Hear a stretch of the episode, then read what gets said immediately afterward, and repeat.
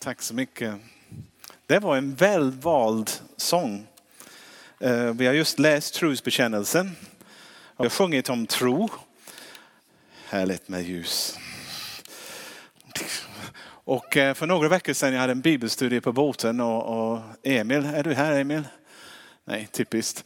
Han sa, när ska vi undervisa om denna tro som vi bekänner varje vecka och förklara lite vad det är. Så, jag så faktiskt, där föds första tanken att ja, jag ska predika om tro. Eh, och det kommer bli intressant, jag lovar. Ni ser inte så säkert på det. Men eh, det kommer bli en, en, eh, en predikan som handlar om vikten av tro. Två bibelord. Jag börjar med en från Efesierbrevet kapitel 3 från vers 16 till 19. Och det står så här, jag ber, det är Paulus som, som när han ber, han ber. Jag ber att han i sin härlighets rikedom ska ge kraft och styrka åt er inre människa genom sin ande. Och sen kommer denna fras, att Kristus genom tron att Kristus genom tron ska bo i era hjärta och att ni ska bli rotade och grundade i kärleken. Då ska ni tillsammans med alla de heliga kunna fatta bredden och längden och höjden och djupet och lära känna Kristi kärlek som går långt bortom all kunskap. Så ska ni bli helt uppfyllda av all Guds fullhet. Och sen Hebreerbrevet 11, vers 6 står det en bibelvers som är ganska tydligt. Det kan inte vara mer tydligt. Utan tro är det omöjligt att behaga Gud.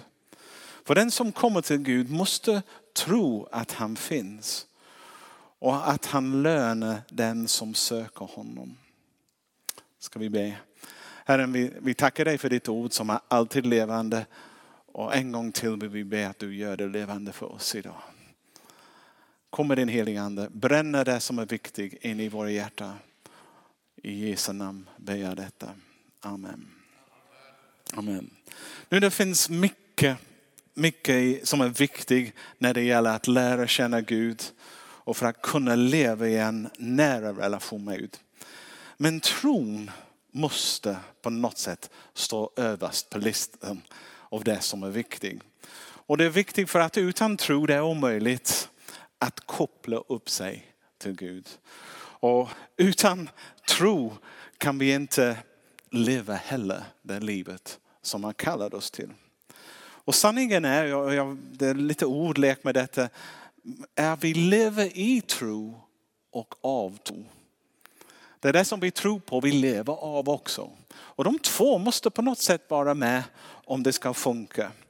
Och eh, med detta menar jag att det är väldigt viktigt att att vår kristenliv handlar inte bara om en engångshändelse när vi, när vi fattade att Gud fanns. Om jag säger så här, det är en sak att veta att Gud dog för alla våra synder, synd, alla, alla syndare. Men man blir kristen när man själv tar det faktum, det som har blivit känt och förflyttar på sig så att man säger Gud jag tackar dig eller Jesus jag tackar dig att du dog för min synd. Det blir en förflyttning när jag gör någonting som jag påstår är sant och på något sätt tar emot det så att det blir till mig personligt. Och då faktiskt om jag kan göra det, då har jag blivit kristen. Och det är med tro, att jag tar emot Guds löfte genom att tro på dem. Att, tilldela, att tillkänna det som han säger som sant och placera mig själv under det. Och det är samma sak när jag läser ett bibelord som Jesus säger, jag har kommit för att ge liv och liv eh, i överflöd. Ja, Jesus kom för att ge oss ett meningsfullt liv. Men det är en annan sak om jag kan flytta, förflytta mig och säga Jesus, jag tackar att du kom för att ge mitt liv mening. Och jag har förflyttat mig i min tro. Jag har tagit emot någonting som är sant, en evig sanning. Och jag har tillämpat det i mitt liv och jag har tagit emot det. Och räknar det som sant för mig personligen. Och när vi gör det, då är vi kristna egentligen. Det, det är det som vi gör. Vi tar emot.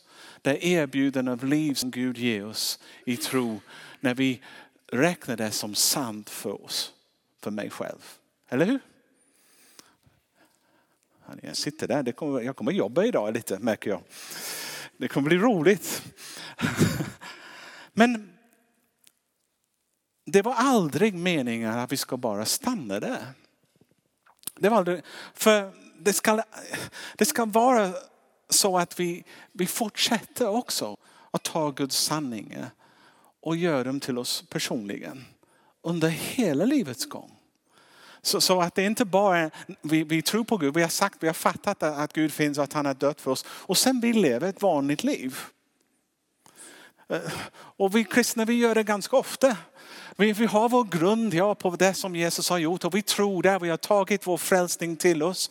Men, men den vandring med honom är också beroende av hur mycket vi kan ta till oss det som han säger och hur mycket vi kan räkna det som sant för oss. Idag i den situation som jag befinner mig i just nu och de utmaningar som jag, jag möter. Eh, men ibland vi gör det så att vår tro finns där och sen lever vi en rutinmässigt liv som alla andra. Bara det är god och vi är snälla och vi går till kyrkan och vi läser Bibeln och gör massa andra bra saker. Men när vi läser Bibeln och när vi noterar vad Jesus egentligen säger då inser vi att Gud har helt andra förväntningar på oss. Eller förväntningar på, på relationsmässigt det ska ske när vi möter honom. Eh, jag kan säga att först och främst han förväntar sig en otroligt nära relation. Jag läser ett bibelord som säger, den, den, vad är det som han ber om när han ber för församlingen i Johannes 17? Han säger så här. Jag ber att de alla ska vara ett och att de ska vara i oss liksom du far i mig och jag i dig. Han fortsätter sen. Jag i dem och du i mig så att de är fullkomligt förenade till ett. På något sätt han förväntar sig en relation som vi är så mycket ett med Gud. Han är så mycket ett med Jesus att relation kunde inte vara närmare. Och ur den relation ska växa också eh, ett liv som är präglat av denna relation. Det finns en förväntan att vi ska fortsätta göra det som Jesus gjorde, på det sättet han gjorde. Med den kärlek han gjorde, med den kraft han gjorde det. I Johannes 17 igen han säger, så som du har sänt mig till världen, så har jag sänt dem till världen. På samma sätt som Gud skickade Jesus till världen har Jesus skickat oss för att fortsätta göra det som han, han gjorde. Sen finns det jobbiga texter i Bibeln som vi ska göra, till och med de gärningar som Jesus gjorde ännu större till han går till Fadern.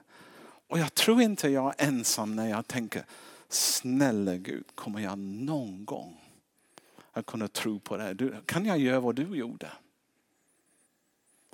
Och man, och det, det, är ganska normalt tror jag att tänka att jag, jag kommer aldrig någonsin in i den typen av livet. Kanske någon ska få det, men, men inte jag. Men det kan få den mest överlåtna kristna, tror jag, backa. Men en snabb läsning genom kyrkans historia visar på något helt annat något helt annat. Under alla tider, under alla omständigheter, under alla kulturer och sammanhang har det alltid funnits individer och församlingar som har brutit sig fri från religiös träsket och rutiner och faktiskt, faktiskt gjort fantastiska saker i Jesu namn.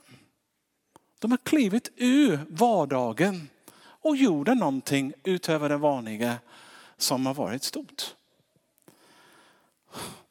Om man tänker på, snälla någon, eh, jag, jag minns för länge sedan Karl-Erik Salberg i, i Stockholm. Jag, jag körde honom till någon New Wine eh, konferens var han skulle undervisa. På vägen dit han frågade mig vad han skulle undervisa om. Jag tänkte han är inte riktigt förberedd denna kille. Men jag lärde känna honom lite senare.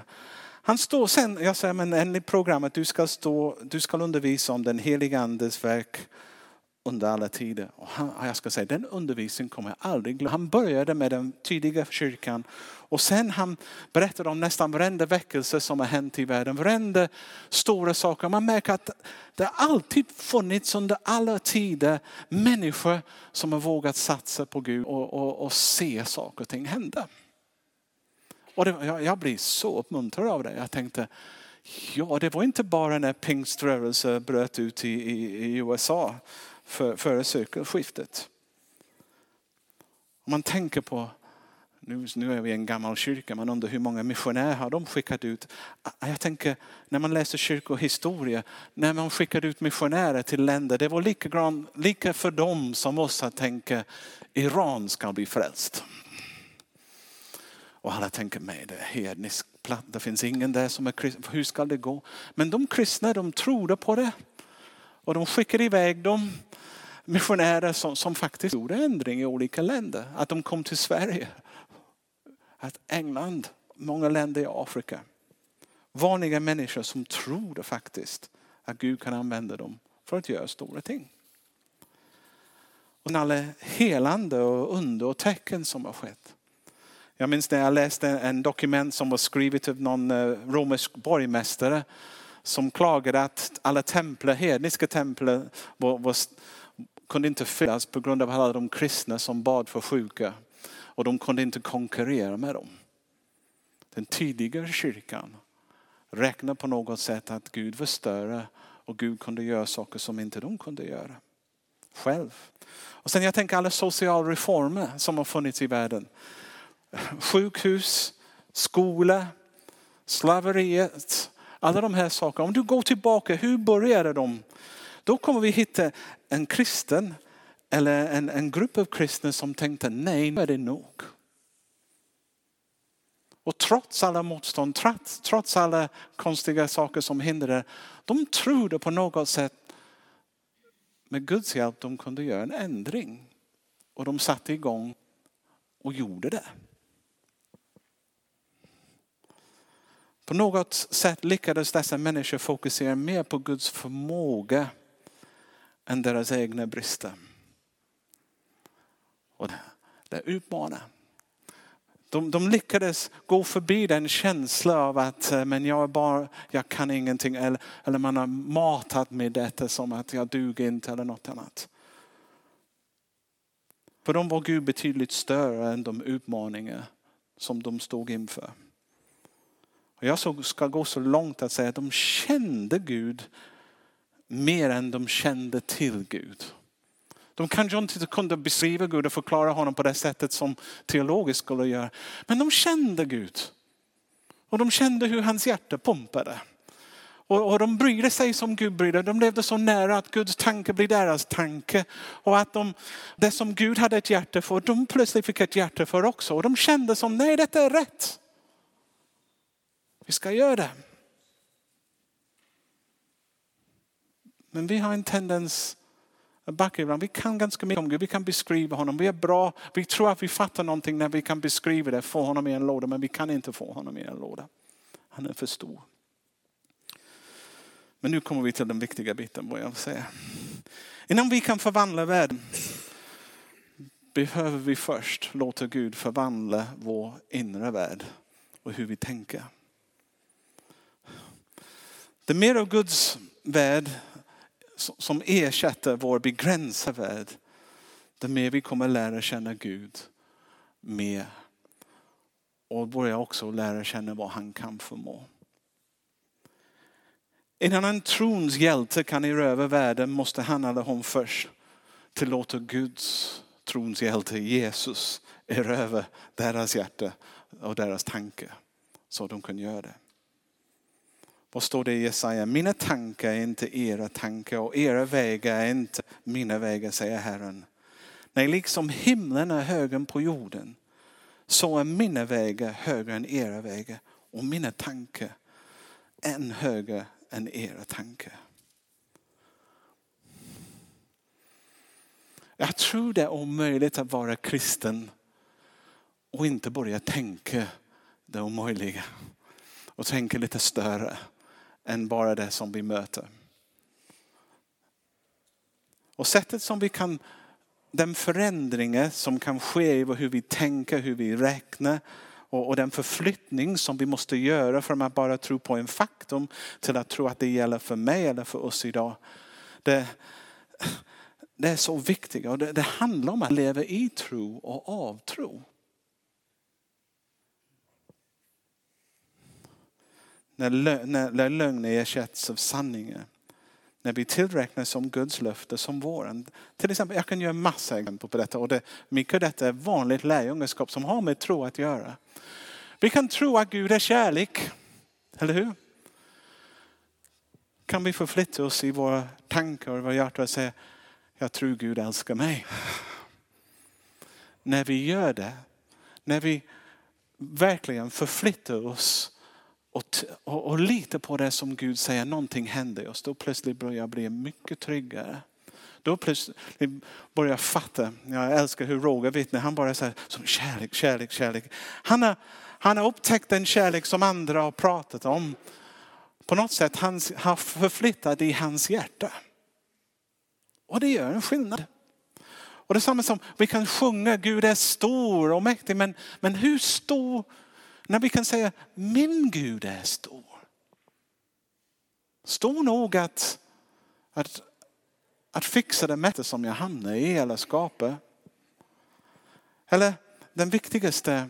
Jag vet att Gud är barmhärtig. Han förlåter. Han, han, han, har, han är nådig och förlåter. Kan vi komma till den punkt när vi säger Gud förlåter mig. Och stå i det. Och vet att man är förlåten. Inte på grund av att man har en känsla. Inte på grund av att det, eh, jag mår bra. Utan på grund av att det som Jesus har sagt är sant. Om vi bekänner våra synder är han trofast och förlåter oss våra synder och renar oss från all orenhet. När vi förflyttar oss och säger, ja det är min, det är min. Min förlåtelse. Jag är förlåten. Tim, min, min kompis Tim Humphrey, han, han gjorde mig skratta en gång när han pratade om en kvinna i hans kyrka som varje vecka kom fram för förbön och sa ja, ja. Hon, hon hade nästan ja, en bedrövlig syndare syndrom över sig. Hon alltid sa, det är hemskt, det är hemskt, och hemskt. Jag, jag kommer, Gud älskar inte mig. Och sen han bad och hjälpte henne försöka bekänna sin synd och säga nu är du förlåten. Och vecka efter vecka försökte trösta henne men hon kom fram. Till slut han blev så irriterad när hon kom fram och sa vad är det med dig? Vad är så speciellt med dig? Att just din synd, just din fel, eh, Jesu död på korset räcker inte för. Vad är det med dig som är så unik? Att det som Jesus gjorde för alla andra räcker inte för dig. Det var första gången han möter lite hårdare sätt att möta. Men det är viktigt. Han hjälpte henne att förflytta sig från att förstå att jag är förlåten. Det är, halleluja. det är en underbar känsla när man börjar fatta. Om man tar emot det i tro. Man, man, man säger yes. Det är som Jesus har dött. Vi tror på Jesus har dött på Vi tror att han har uppstått. Och när man säger yes. Han har gjort det för mig med. Sen verkar det i oss och sen, sen blir det en, en, skillnad. Det är också det så, vi, vi säger att Gud älskar alla människor, han gillar människor. För vissa människor är det ett stort steg att säga och Jesus gillar mig. Han gör det faktiskt, han gillar mig. Han gillar dig med. Han älskar tillbringa tid med. Det är inte bara att han, han säger jag älskar er men egentligen har inte så mycket tid för det. Det finns ingenting som gör honom så glad när vi vänder oss till honom och vill lära känna honom och prata med honom. Han längtar på de stunder i dagen. Han, han, han tänker, åh nej det är hon igen, åh nej inte Lovisa, hon är här och tjatar på mig igen. Om du tror på det Lovisa, jag, tror, jag vet att du inte gör, det skulle vara synd om dig, du har inte fattat att Gud faktiskt gillar dig och vill tillbringa tid med dig. Han har faktiskt skapat dig för att tillbringa evighet med dig. Ja, det är amen nästan. Så mycket dyrbar. Tänker han, så, så. Det är därför han dog, skickade Jesus för att dö på korset, för han älskade oss så mycket och vill ha så mycket. Och det, det gäller för oss att på något sätt kunna ta de här sanningen till oss. Så du behöver inte tänka om alla gillar mig. Du behöver inte ha den ständigt bekräftelsebehov. Du, jag är okej, okay. har jag gjort något dumt? Du vet att Gud älskar mig. Jag var på jobbet ibland när jag var brandman, när alla verkade vara emot mig och sånt och, inte, och bara huggit och sånt. Och sen, jag har kommit hem några gånger och tänkt, tack gode Gud att du älskar mig i alla fall. Och jag hade en fru som älskade mig, men de två man kan gå väldigt långt faktiskt i livet. Eh, det är sant. Jag behöver inte tänka på det. Jag behöver inte fundera ibland, är jag okej okay eller inte okej? Okay? För Gud har sagt att jag är mer än okej. Okay. Är det? Jag behöver inte tänka, är jag ful eller är jag snygg? Jag vet att jag är den snyggaste i världen.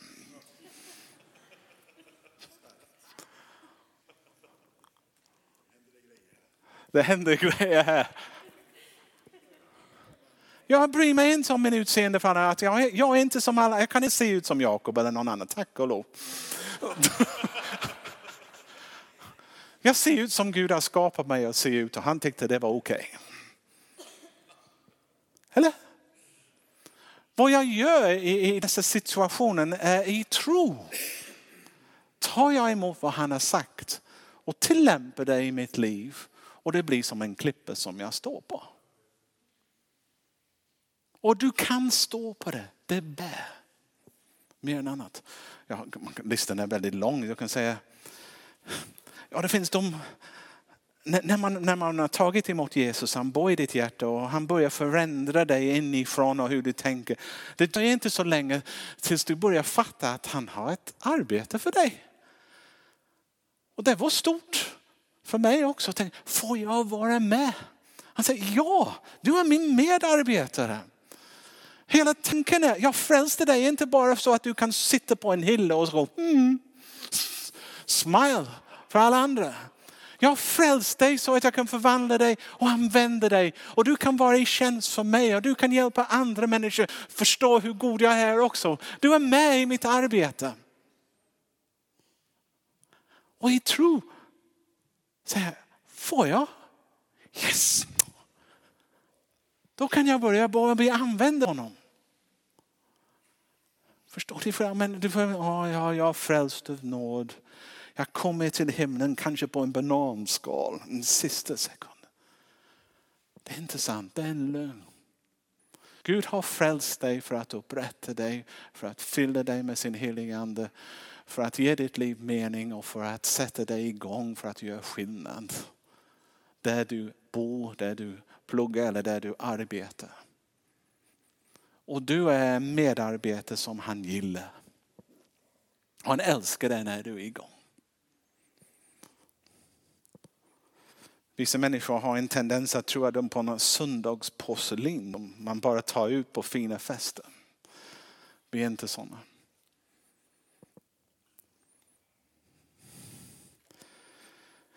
Gud säger att han kommer aldrig att lämna oss eller överge oss. Okej, okay. han säger det. Nu måste jag ställa frågan. Menar han det han säger? Jag flyttar mig. Tack Gud att du aldrig överlämnar mig. Du aldrig kommer... Och, och, och det är sant, det är en sanning att leva i. När man i tro tar emot ett löfte och börjar tillämpa det betyder, det spelar ingen roll om, om du blir uppsagt på jobbet. Och du kan tänka, men Gud var är du? Var är du? Han säger, ja, jag är här var jag alltid varit. Han säger, men det, spelar ingen roll om du måste flytta eller, eller vad det än är. Han, han säger, jag är med dig genom detta.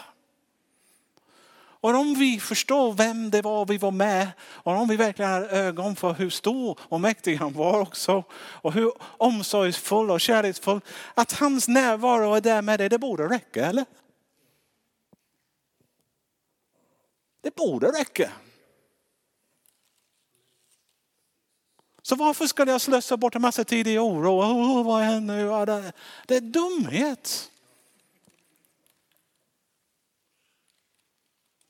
Om vi kunde bara lära oss att i tro bara fatta vem vi är och börja stå på de löften som han gett, tillämpa dem som våra, då kommer vi märka att den heliga andes kraft bara kommer in och det verkligen vi börjar leva.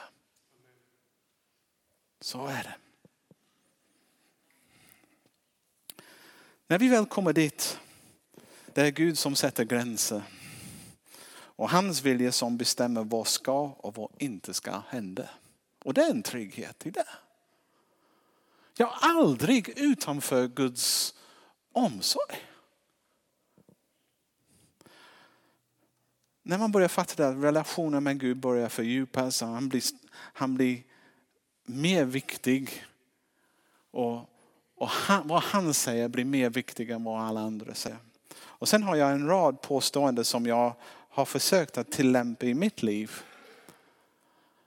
Som jag, jag står på faktiskt. Jag står på. Och en av de post, den första jag har skrivit är, han som är med oss är större än han som är emot oss. Eller? Om Gud är allsmäktig Gud, skapar av himlen och jorden, finns det någon som är större än honom? Nej.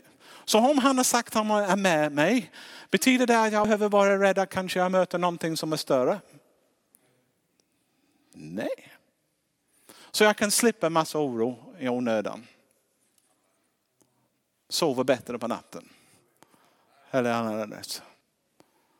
Och sen en annan, jag säger, han, Guds förmåga att leda oss rätt är starkare än fiendens förmåga att förleda oss fel. Jag har sagt det flera gånger. Om Gud har lovat att vara med oss och hjälpa oss, kan jag förvänta mig att han korrigerar mig om jag går fel? Om jag är på väg att gå av en klippa? Tror du att han skulle inte bry sig om mig tillräckligt mycket och säga, oh, oh, wait a minute. Det är klart han gör det. Så jag behöver inte vara orolig, även om jag har fattat fel. Han kommer att korrigera mig om jag är öppen till honom. Så om jag förflyttar mig från att vara orolig, vad ska jag göra nu, ska jag göra det, ska jag göra det? Hans förmåga att leda mig rätt är starkare än fiendens förmåga att leda mig fel.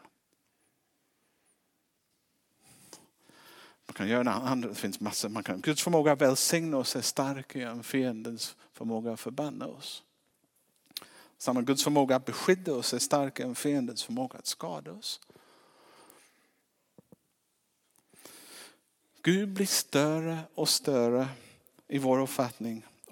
Och det mer stor han blir, det mer omfattande han, han blir för oss, det mer viktig han blir för oss och det mer också vi börjar våga räkna med honom i vår vardagsliv med. Och vi börjar förstå mer och mer vem vi är och vad vi är kallade till. Och resultatet av en sådan tro är alltid fantastiskt. Och sammanfattas väl i Hebreerbrevet 11.2 tycker jag av Levande Bibeln.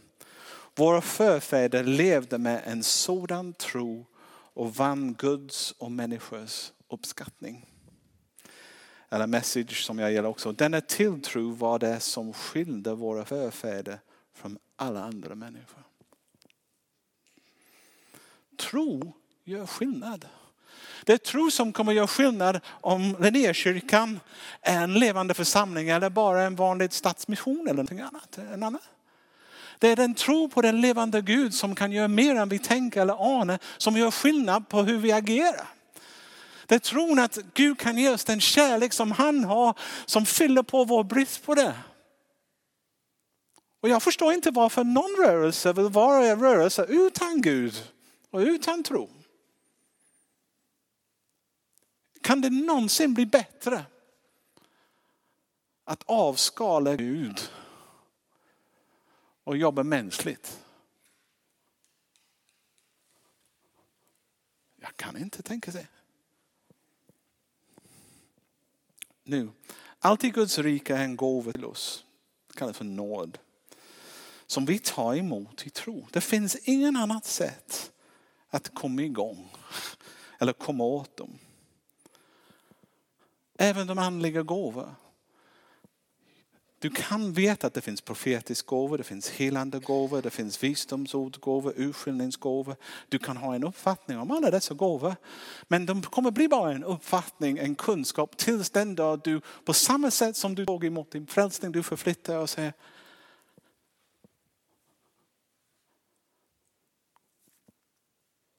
Jag tror den gåva finns för mig med. Eller jag tror jag tar emot den gåva i tro. Nu har, jag kan säga det, det är pinsamt att göra det och man kan göra det offentligt. Och, och, det kommer bli jättejobbigt eller kan göra det privat i en bil som jag gjorde som var mycket lättare. Jag minns tungotalsgåva. Och jag tänkte, för länge sedan vill jag inte ha det.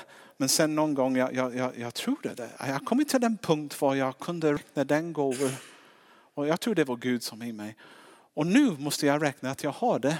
Och om jag räknar att jag har det måste jag våga prata det ute.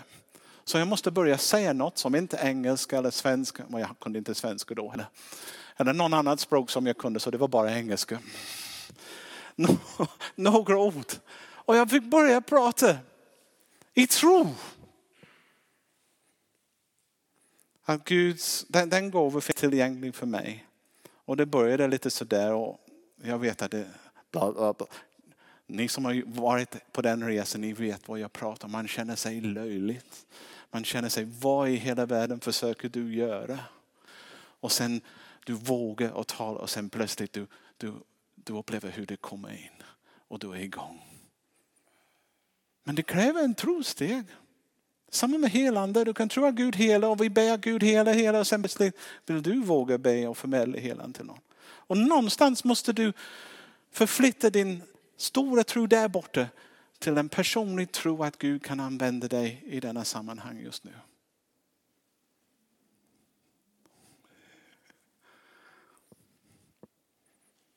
Jesus. Vi fortsätter fort så det inte blir. När jag ser på, på Jesus, jag ser att det finns ingenting som frustrerade honom mer än när vi inte när hans lärjungar inte tillämpade tro. Det var, om det finns någonstans i Bibeln när man läser det när Jesus går. Oh. Det var när han såg att, att de som han förväntade sig kunde räkna med honom och lita på honom inte gjorde det. Det gjorde honom besviken. Och han hade förväntat sig att hans lärjungar kunde göra det. Och om du tänker på det, läser på de texterna, han, han säger så här i, i Matteus 8. Varför är ni så rädda? Så lite tro ni har. De var i en storm i en båt och Jesus sov. Och mänskligt sett man kan tänka, men vågorna är stora, båtarna kan faktiskt sjunka. Men för Jesus det var otänkbart, jag är med. Vad är tro? Vad är det som är problemet? Man kan mänskligt sett tänka, men, men de kan inte flyttat sig att Jesus är med, det borde räcka. Och sen, så lite tro har du, varför tvivlade du, sa han till Petrus när Petrus hade redan, redan gått på vattnet. Härligt, eller hur? Jag tyckte Petrus gjorde bra ändå. Men, men när han började funka, Jesus säger, come on. Du har redan gått så långt, du har redan kommit så långt. Varför tittar du på vågorna? Men Petrus han säkrade på en massa röster i andra sidan. Vad du, vad i hela världen försöker du göra? Nu är det på tunn is. Nej, det är nu värre än tunn is. Det finns ingen is inte med att gå på. Du har gått för långt. Men Jesus han vill bara, jag förväntar Petrus att du ska gå ännu längre. Det finns så mycket så. Och sen när de lärjungar och de andra som var med kunde inte bota en man. Han, han säger, det fördärvade släkt som inte vill tro. Hur länge ska jag vara hos er? Och sen han säger till sina lärjungar när de frågar sig varför kunde vi inte göra det? Sen därför att ni har så lite tro. Ni har en liten förmåga att kunna överföra det som Jesus har sagt och gå till er.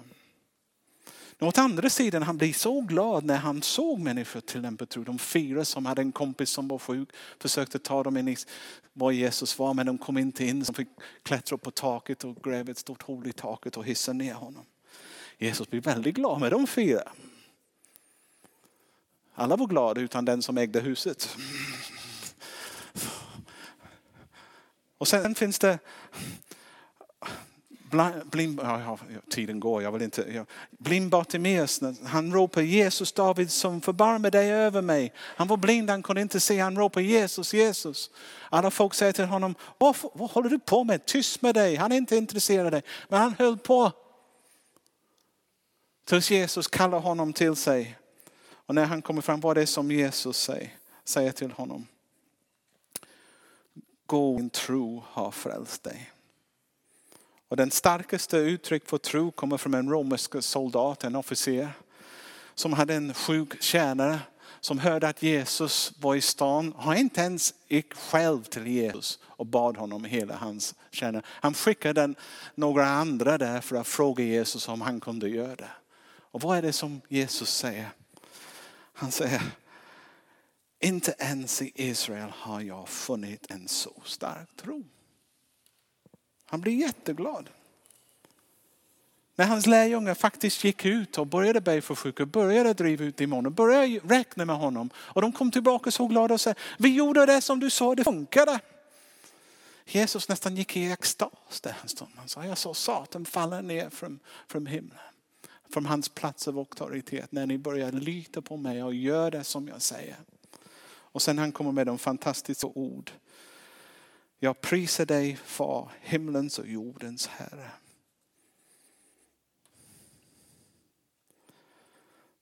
Jesus uppmuntrar hans lärjungar att våga tro och förflytta sig från en allmän uppfattning av det som är rätt, möjligt och sant till Guds uppfattning av det som är rätt, möjligt och sant. Till sist. Hur står det till med vår tro? Ibland undrar jag, vi är så oroliga för det mesta. Allt är så stort. Jag vet, ibland är vårt problem så stor och vår Gud är så liten. Det måste bli en omväxling där vår Gud ska vara stor och vårt problem ska bli mindre. Och, och vår problem blir mindre om vi tittar på Gud istället för problemet. Där vår fokus är, plötsligt händer någonting som kommer. Tro växer med användning också och tro är relationsbunden. Du behöver glömma allt som tro att tro du kan skapa fram tro. Tro är ingen mål i sig själv. Tro är beroende på vem du tror på. Och om, om vår tro ska växa då måste på något sätt vi komma närmare Gud och låta honom förändra oss inifrån. Kan vi som församling, kollektiv och i tro förflytta oss länge in i Guds rike? En fråga jag ställer mig. Jag tänker på den Johannes döparens bön. Gud, du måste bli större. Eller Jesus, du måste bli större. Och jag mindre. Det måste vara mer av dig i min huvud. Mer av dig i mitt hjärta. Så att jag tänker dina tankar. Och så jag känner ditt hjärta och jag börjar handla efter dina handlingar. Och sen jag vet inte om du är på samma plats som mig men en plats som det var en man som Jesus kom. Han bad Jesus, han sa till Jesus, om du kan kan du hela min son. Jesus gick igång med det, sa om jag kan. Han gillade inte det. Han säger, om du kan. Han säger, allt är möjligt för den som tror. Genast ropade barnets far, jag tror, hjälp min otro. Och det är ungefär, jag tror många är med också. Vi har en tro. Och vi har börjat fatta att den kristna livet handlar om att tro på de löften som Gud ger och gå i dem. Men vi behöver mer. Vi behöver komma Gud när även på de vardagliga saker. Det ska, det ska märkas och synas att vi är kristna. Om vi går med Herrens Herre, Konungens Konung, på något sätt måste det märkas. Eller? Ni är inte så övertygade idag. Ni är väldigt tysta. Ska vi be. Jesus, kan vi be den tillsammans? Gud, vi tror. Kan du hjälpa vår otro? Gud, vi tror. Hjälp vår otro. Men vi kan göra det individuellt också, som personligen nu inför Gud. Säga, Gud, jag tror. Hjälp min otro. I Jesu namn. Amen. Och Gud, precis som författaren till Hebreerbrevet säger, vår förfäder, deras tro gjorde hela skillnad. Jag ber att vår tro ska göra skillnad också i Göteborg. Med de människor som vi möter. Så kom heligande och bränn dig där och utvidga vår tro, jag ber i Jesu namn. Amen.